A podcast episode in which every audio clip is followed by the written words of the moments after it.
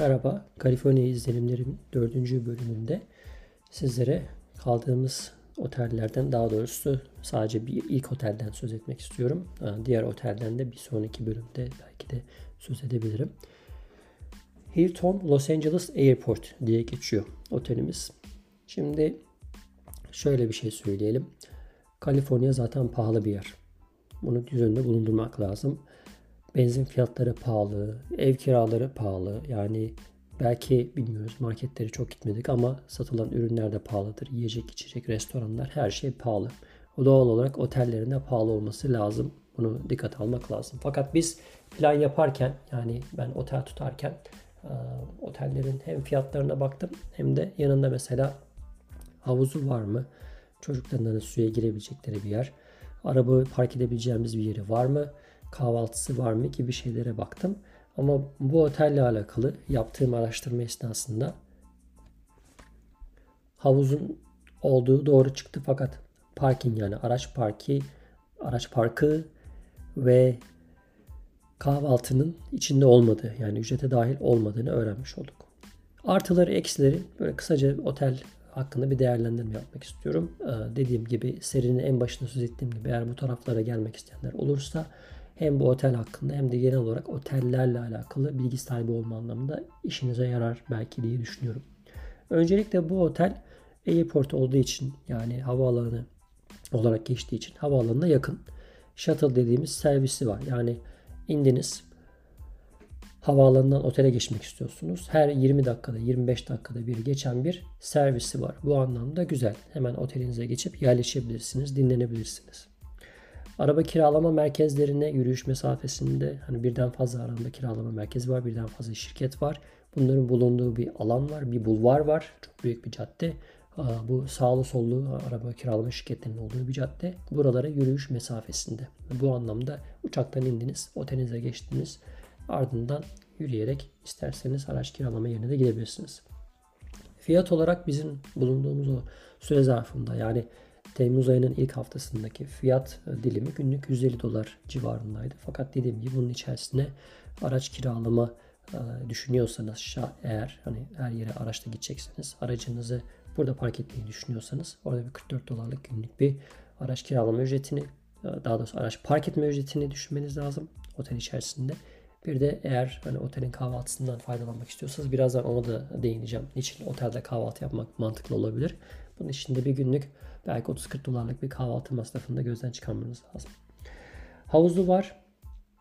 Ama biz Los Angeles'ta yaşadığımız bütün kargaşalardan dolayı, e, yoğunluktan dolayı, gidip gelmelerden dolayı havuzunu göremedik. Sadece gördük havuzu 3. katında böyle açık teras gibi bir yerde. Sabahları yanılmıyorsam saat 7'de açılıp akşam 10'da kapanan bir havuzdu yanılmıyorsam.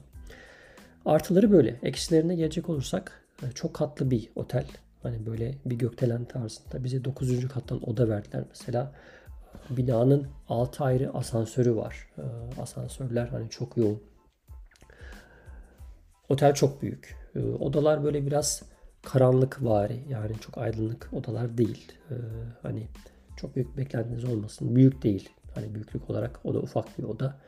Biz iki e, queen size e, queen yatak büyüklüğünde yatağın olduğu iki yatağın olduğu bir oda tercih ettik. Çünkü çocuklar da var. Dört kişilik bir aileyiz.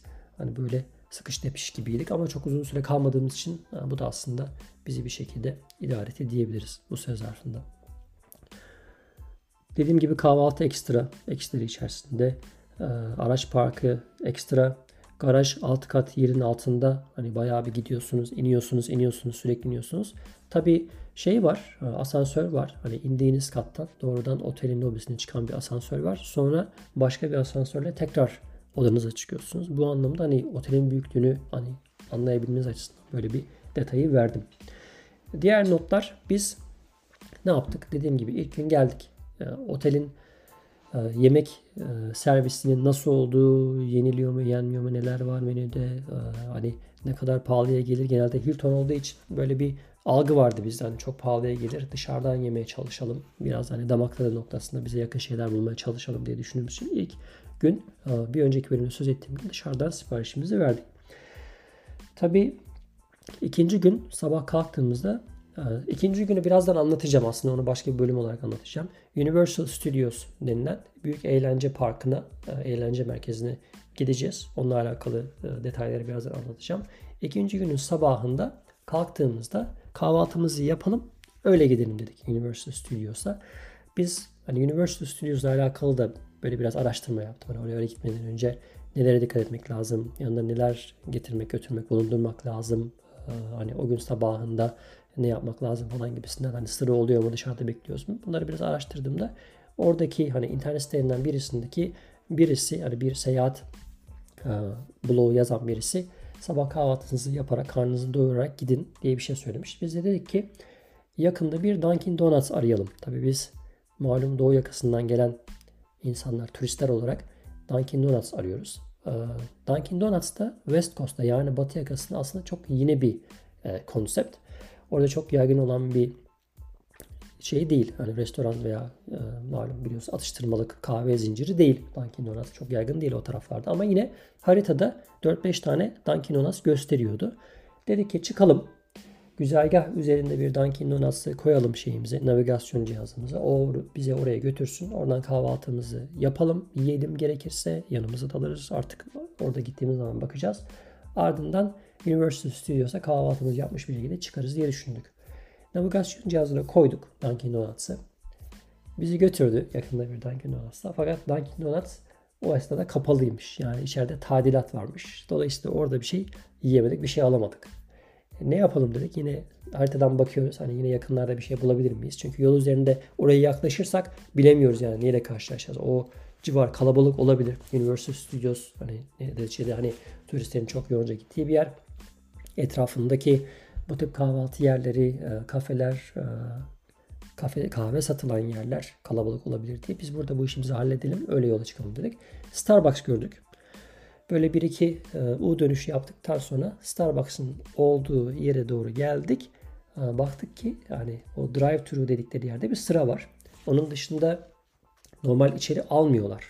Bunu da öğrenmiş olduk. Kaliforniya'daki Covid tedbirleri bizim buradakinden çok farklı. Yani Massachusetts eyaletinde Covid tedbirleri çok önce kaldırıldı. İnsanlar her dükkana rahatlıkla girip çıkabiliyorlar ama hala Kaliforniya'da maske uygulamaları belli noktalarda belli dükkanların açılmadığını gördük.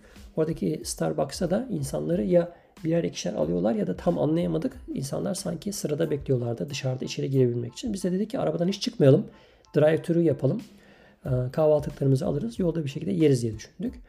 Drive-thru'ya girilecek olan kısım yani e, orasının nasıl derler girişi driveway diye geçiyor. Starbucks'ın bulunduğu o köşedeki mekanın giriş kısmına içine giremedik. E, araçların yoğunluğundan dolayı orada sırada bekledik.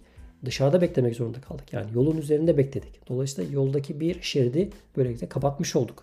Bizim arkamızdan gelen kişi de o da Starbucks'a girmek istediği için o da şeridi kapattı. Onun arkasındaki araçlar bize biraz tabii sinirlendiler. Hani etrafımızdan dolaşıp tekrar önümüze geçmeye çalıştılar. Sağa dönmek istiyorlar. Biz orada biraz bir bekledik yani bizim bir yaklaşık yarım saat zamanımızı aldı. O Starbucks'a girmek, siparişleri vermek, siparişleri tekrar geri almak. Tabi e, yolda biraz yemeye çalıştık, kahvemizi içmeye çalıştık. Bir şekilde karnımızı doyurduk mu? Doyurduk en azından bu noktada başarılı olduk. Ardından Universal Studios'ta vardık yolculuk esnasında. Oraya da gireceğiz. Birazdan Universal Studios'a götüren e, süreçten de söz edeceğim. Özellikle sabah trafik yoğunluğundan vesaireden de söz edeceğim.